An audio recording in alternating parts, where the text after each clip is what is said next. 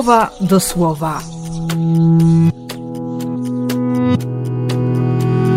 Rozważania księdza Grzegorza Mączki.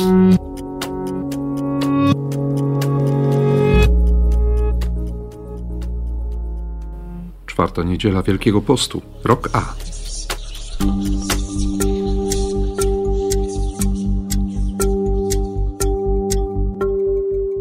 Z pierwszej księgi Samuela. Nie tak widzi Bóg, jak widzi człowiek. Człowiek patrzy na wygląd zewnętrzny, a Bóg patrzy na serce.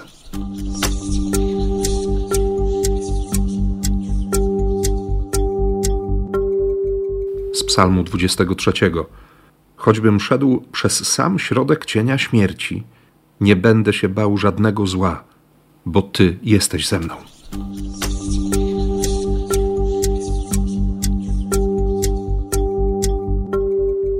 Z listu świętego Pawła do Efezjan. Postępujcie jak ludzie światła. Wybierajcie to, co podoba się Panu.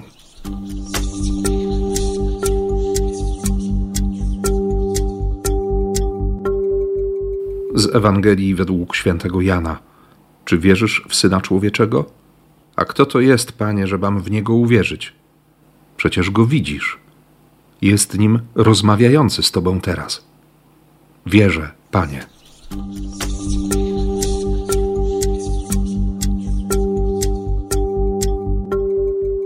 Siostry i bracia, kolejna wielkopostna niedziela, nazywana w liturgii niedzielą letarę, ponieważ antyfona na rozpoczęcie dzisiejszej mszy pochodzi z 66 rozdziału proroctwa Izajasza i, i zachęca do radości. Raduj się, Jerozolimo, zbierzcie się wszyscy, którzy ją kochacie, cieszcie się wy, którzy byliście smutni, weselcie się i nasycajcie u źródła waszej pociechy.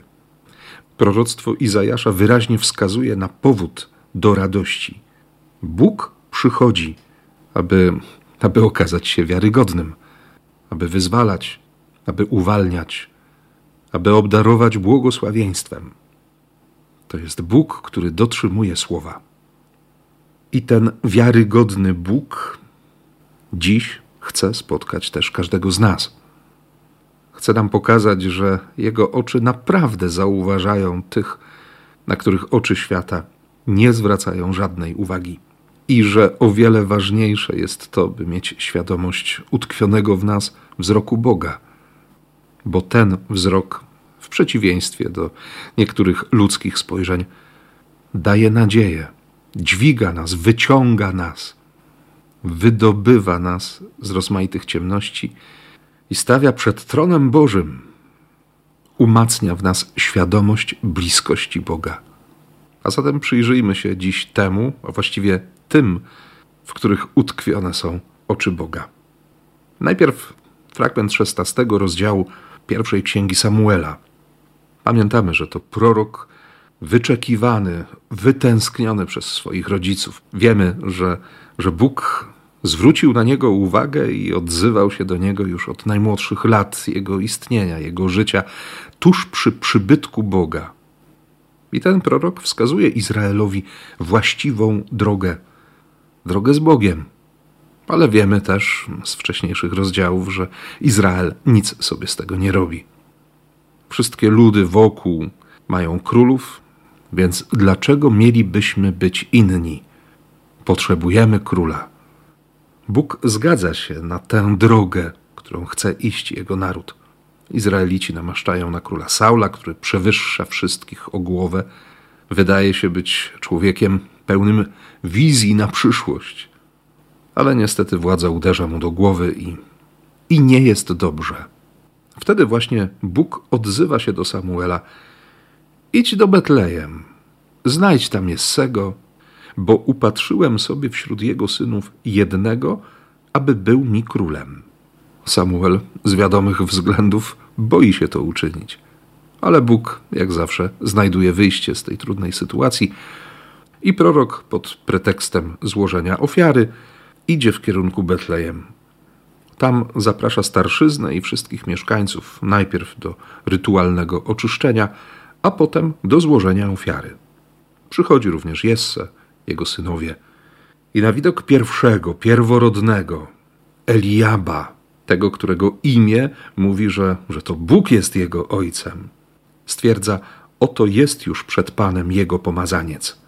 Ale Bóg gasi ten zapał proroka, mówiąc: Nie patrz na jego urodę ani na jego wysoki wzrost, bo za nic go uznałem. Nie tak bowiem widzi Bóg, jak widzi człowiek. Człowiek patrzy na wygląd zewnętrzny, a Bóg patrzy na serce. Samuel, który jest prorokiem, to znaczy człowiekiem mającym wgląd w Boże sprawy i z zasady czy natury proroka powinien widzieć rzeczywistość tak, jak ją widzi Bóg, jednak się myli. Daje się ponieść własnej interpretacji rzeczywistości.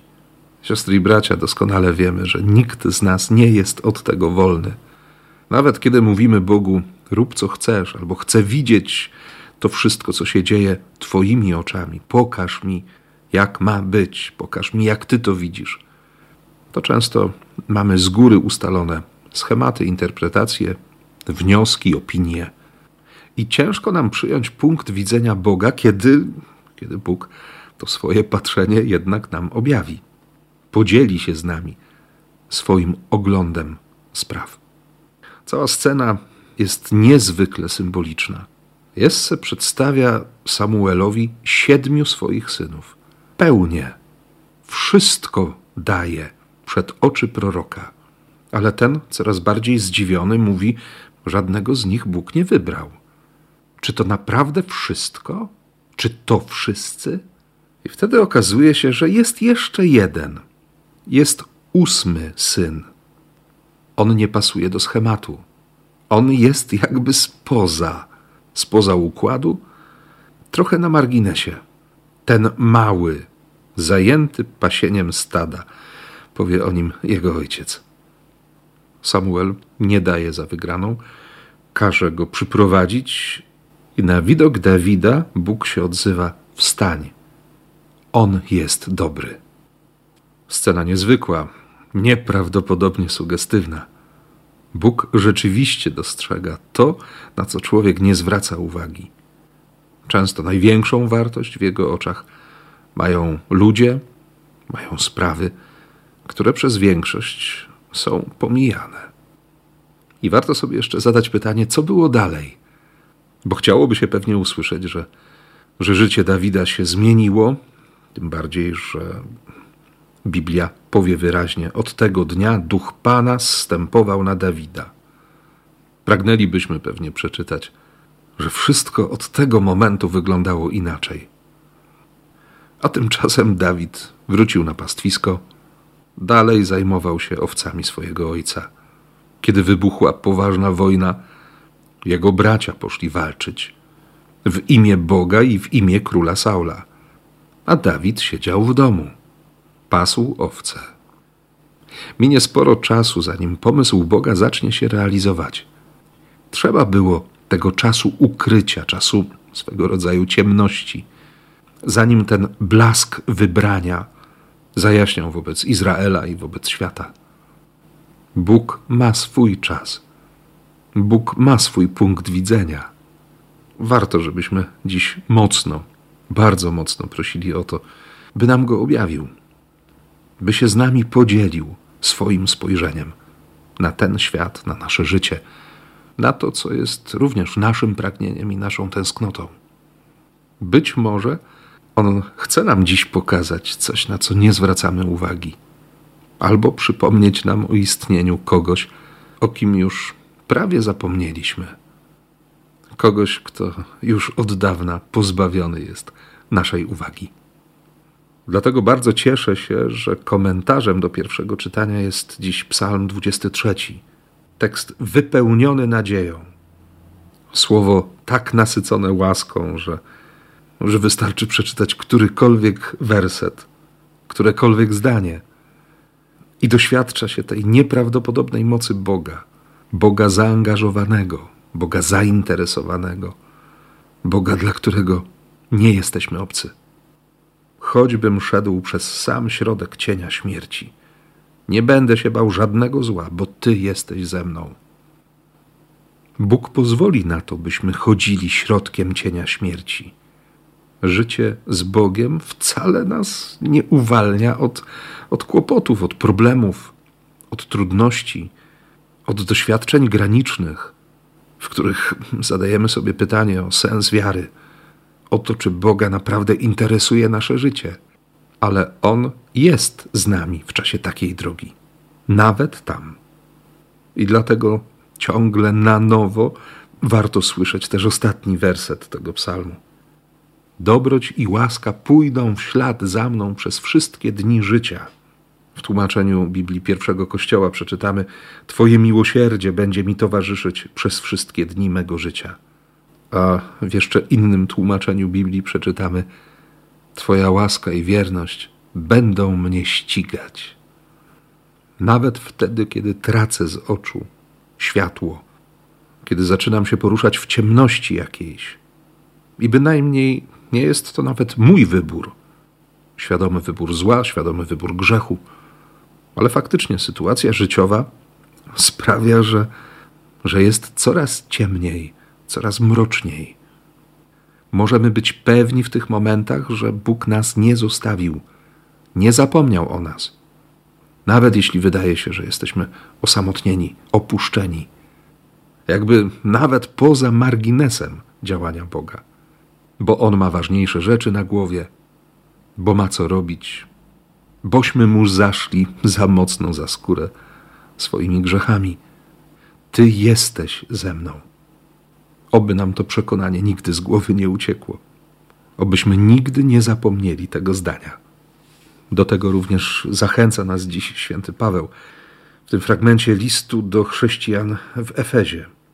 W pierwszym wersecie piątego rozdziału tego listu przeczytamy: Bądźcie naśladowcami Boga, jak dzieci umiłowane, i postępujcie według miłości, tak jak i Chrystus umiłował nas i siebie za nas wydał na ofiarę i dar w miłej wonności dla Boga.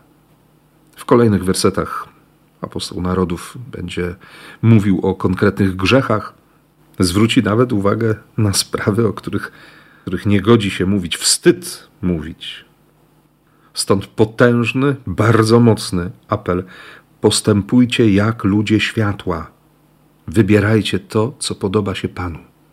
Oczywiście zdajemy sobie sprawę z tego, że często potrafimy wybierać to, co się nam podoba i wolimy wybierać to, co się nam podoba niekoniecznie pytając Boga o zdanie, konsultując z Nim nasze decyzje, słuchając, szukając czy domagając się Jego opinii na temat naszej przyszłości. Dlatego właśnie czas Wielkiego Postu jest nam potrzebny, by, by rozpoznawać łaskę, by rozpoznawać Boże pragnienia, by, by odkrywać, odkrywać to, co się Bogu podoba. Usłyszymy znów w czasie Wigilii Paschalnej fragment proroctwa Ozeasza. Szczęśliwi jesteśmy, o Izraelu, bo znamy to, co się Bogu podoba. Warto od czasu do czasu zapytać siebie, czy na pewno tak jest. Kiedy ostatni raz zadaliśmy Bogu to pytanie, co ci się podoba, czego pragniesz, czym możemy ci sprawić przyjemność, co dla ciebie jest ważne teraz? Bo można być przekonanym na co zresztą dzisiaj zwrócił uwagę Jezus w ostatnich zdaniach Ewangelii, można być przekonanym o, o własnej nieomylności lub być szczerze, bardzo szczerze zadowolonym z umiejętności właściwej oceny sytuacji, z dobrego oglądu rzeczywistości, a okaże się, że, że potrzebujemy obudzenia ze snu, że straciliśmy z oczu Boże światło Dlatego święty Paweł przypomina w ostatnim wersecie dzisiejszego czytania starożytny hymn: Obudź się, śpiący, powstań z martwych, a światłem ci będzie Chrystus. I chyba nikt z nas nie ma wątpliwości, że podstawą dla tego hymnu jest, jest właśnie dzisiejsza Ewangelia, ten dziewiąty rozdział redakcji świętego Jana. Jezus natknął się podczas swojej drogi na człowieka niewidomego od urodzenia. Trzeba zaznaczyć, że rzecz dzieje się w Jerozolimie. Ten niewidomy należy do narodu wybranego.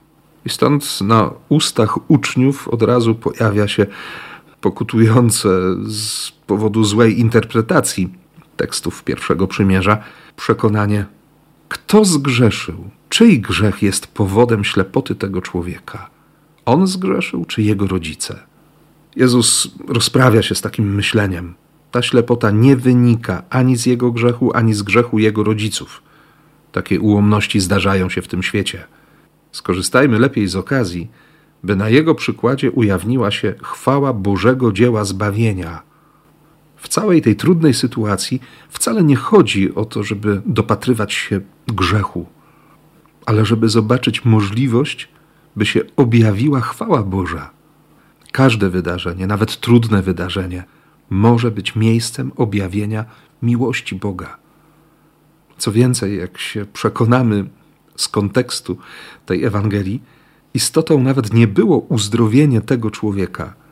Jezus chciał otworzyć oczy faryzeuszy. Chciał im pokazać, że miłość Boga jest potężniejsza od grzechu, od ustalonych przez ludzi schematów, że miłość nie ma granic, jest niepowstrzymana. Niewidomego udało się uwolnić od, od tej ciemności fizycznej. Kolejnym etapem było obudzenie w nim wiary. Jezus odniósł sukces, ale co z faryzeuszami? Gdybyście w głębi swych serc uważali się za ślepych duchowo, nie mielibyście grzechu. Skoro jednak uważacie się za oświeconych, znaczy to, że nadal trwacie w swoim grzechu. Ta Ewangelia naprawdę każdego z nas chce sprowokować do tego, byśmy, byśmy przyjrzeli się swojemu sercu, byśmy zobaczyli swoje ograniczenia, byśmy mieli odwagę zmierzyć się ze schematami, którymi posługujemy się w naszej codzienności, w tej zwykłości czy zwyczajności życia, schematami mogącymi wprowadzić nas w pewne skostnienie, w nieumiejętność zauważenia miłości, a nawet w to przekonanie, że, że dobrze jest jak jest i nie mam zamiaru nic zmieniać, bo zawsze tak było. A Jezus staje przed każdym z nas z tym pytaniem, które zadał człowiekowi już po uzdrowieniu ze ślepoty. Czy teraz jesteś gotów zaufać synowi człowieczemu? Teraz, to znaczy wtedy, kiedy, kiedy autorytety wypowiedziały się źle na temat Jezusa? Kiedy w środku, w sercu jest jakieś zamieszanie, bo nie wiadomo kogo słuchać? Kiedy może nawet w kościele spotkaliśmy się z niezrozumieniem, z odrzuceniem, z nieufnym dystansem? Czy jesteś gotów zaufać synowi człowieczemu? A kim on jest, panie, bym miał mu zaufać? Przejrzałeś po to, by go zobaczyć, i właśnie teraz z nim rozmawiasz. Wówczas człowiek ten wyznał: O tak, panie, tobie ufam całkowicie. Ile razy Bóg nas uwolnił od naszych ciemności? Ile razy odpuścił nam grzechy? Ile razy nam te grzechy pokazał? Właśnie po to, by je odpuścić by nas od nich uwolnić. Czy On cieszy się naszym całkowitym, pełnym zaufaniem? Jesteśmy na półmetku Wielkiego Postu, ale jeszcze trochę drogi przed nami. Więc niech to będzie czas rozpoznawania Chrystusa, kształtowania w sobie zgody na przyjęcie Jego punktu widzenia, na dostrzeganie tego, co, co ważne dla Boga i na odbudowę albo umocnienie zaufania do Boga, który działa w Kościele, działa przez Kościół, który naprawdę tworzy z nas wspólnotę wierzących. Niech tak się stanie. Amen.